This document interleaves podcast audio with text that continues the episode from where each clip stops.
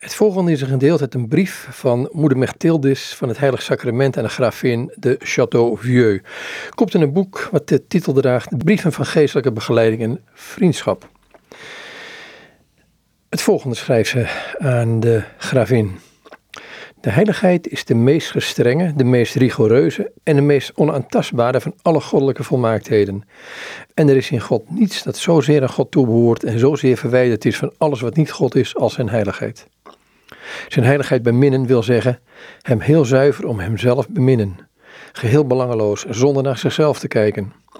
En de geringere volmaaktheden van God, zo men bij hem al kan spreken van iets groters of geringers, zijn die welke er voor ons zijn, zoals een barmhartigheid, want die heeft hij niet nodig voor zichzelf.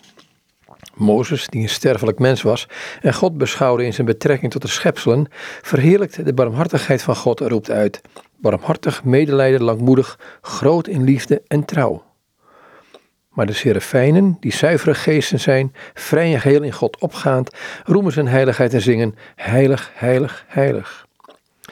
En het is het voorrecht van de nieuwe wet, ingesteld door Jezus, God te beschouwen niet om onze belangen, maar om die van zijn grootheid en van zijn heerlijkheid. Het is onze plicht om met de serafijnen de heiligheid te eren en te vieren. Hem niet alleen te beminnen als goed en barmhartig jegens ons, maar ook als heilig en om hemzelf. In zijn doodstrijd heeft Jezus werkelijk de gerechtigheid van God gedragen, maar in zijn verlatenheid aan het kruis heeft hij diens heiligheid gedragen. Vandaar dat hij, ten einde uitdrukking te geven aan de hardheid van zijn verlatenheid en aan de diepe afgrond waarin deze goddelijke heiligheid hem heeft gebracht, na te hebben gezegd: Mijn God, mijn God, waarom hebt gij mij verlaten? Bij dag roep ik: Mijn God, gij blijft zwijgen, bij nacht en ik word niet gestild, eraan toegevoegd. Gij echter woont in heiligheid, gij lof van Israël. Wat u betreft, u zult wonen en verblijven in uw heiligheid. Dat wil zeggen dat God zich ten opzichte van zijn zoon aan het kruis heeft teruggetrokken in de allerhoogste eenzaamheid. Een verst verwijderde afzondering van zijn heiligheid. En dat hij hem geheel alleen gelaten heeft in zijn lijden. God is zo heilig, zo onbegrijpelijk en zo diep dat we waarlijk kunnen zeggen dat hij een verborgen God is. Zo niet verborgen dat hij alles overstijgt wat onze geest kan bedenken. Hij is een God die verborgen is voor onze zintuigen. Een God die verborgen is voor ons verstand. Kortom, Hij is de verborgen God op eindeloos vele manieren. En als we Hem aanbidden, verborgen onder de sacramentele gedaanten, hoeveel te meer moeten we Hem aanbidden in de afgrondelijkheid van Hemzelf. Of beter, in Zijn onbegrijpelijkheid en verborgen in Zijn goddelijke heiligheid. Als u de waardigheid en de verhevigheid van een verborgen God kende, dan zou u er een uitzonderlijk behagen in scheppen dat God zich binnen in u terugtrekt in zichzelf. Maar wat u verhindert om deze waarheid te leven, die niettemin een waarheid van het geloof is, dat is dat u, wanneer hij niet de zoetheden en lieflijkheden van zijn genade in uw ziel verspreidt, van mening bent dat God zich van u heeft teruggetrokken. Wat is onze verblinding groot en wat is onze aanmatiging verschrikkelijk. Waarom wilt u dat God zich verlaagt tot het bevredigen van uw zintuigen?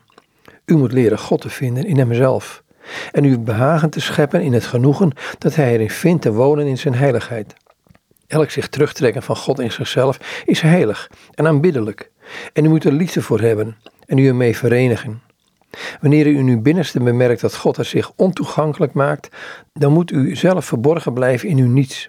En wanneer u zich op deze manier verbergt, zal de goddelijke grootheid haar heilige blikken op u werpen en er behagen in scheppen u ontledigd te zien als eerbewijs aan zijn teruggetrokkenheid in zichzelf, in u. Het is vermittelheid voor de ziel iets van God te willen begrijpen. Het komt aan zulke kleine misgeboorten als wij zijn niet toe, door te dringen tot de onuitsprekelijkheid van God. Wij moeten doen als de serafijnen, onze gezichten met een sluier bedekken en met diepe eerbied en liefde uitroepen: Heilig, heilig, heilig. Wat is God heilig? Wat is God groot? Wat is God onmetelijk? Wat is God machtig? Wat is God ontoegankelijk en onbegrijpelijk? Ik ondervind een hele diepe, een hele grote blijdschap in mijn ziel wanneer ik zie dat God slechts door zichzelf begrepen kan worden. Dat wij ons moeten verliezen en moeten verzinken in Hem en zijn goddelijke hoedanigheden niet moeten uitpluizen. Het lijkt me dat wij God op een veel zuiverdere manier kennen wanneer wij niets van Hem kennen met ons verstand, maar alleen met het licht van het geloof. De manier waarop wij ons een begrip vormen van God, haalt zijn grootheden omlaag, maar het gebruik van het zuivere geloof heft ons op naar Hem en doet ons Hem vinden in het binnenste van onze ziel, waar Hij verblijf houdt. En dat doet ons met Jacob zeggen, waarlijk, God is op deze plaats en ik wist het niet. Ja, God woont in ons. En u weet het niet. Hij rust in zichzelf in het hoogste van uw geest, waar hij zijn verblijf gevestigd heeft. Zoals destijds op de heilige Sion. En op die plaats rust hij als op een troon van vrede, zoals David zegt.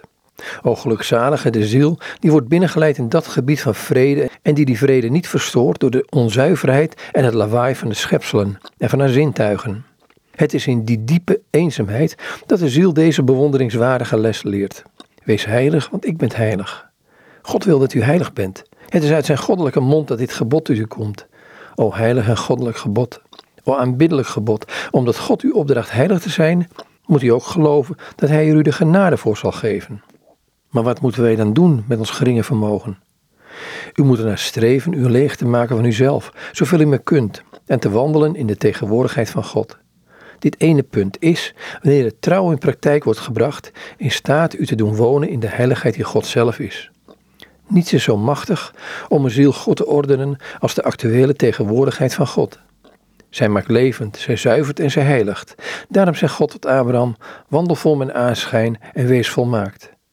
Geloof dat God diezelfde woorden tot u zegt. Neem ze in gehoorzaamheid aan als hij zijn goddelijke mond en open uw hart om vervuld te worden met de deugd van geloof. Opdat u door het zuivere gebruik dat u ervan maakt, kunt volharden in die tegenwoordigheid van God. Ik wens u daar de volle maat van alle zegeningen en de genade van de volharding. Of liever de genade die u voltooit in de liefde van Jezus. Aldus moeder Mechtildes van het Heilig Sacrament in een brief aan de gravin de Château-Vieux. Het is opgetekend in een boek dat heet Brieven van Geestelijke Begeleiding en Vriendschap.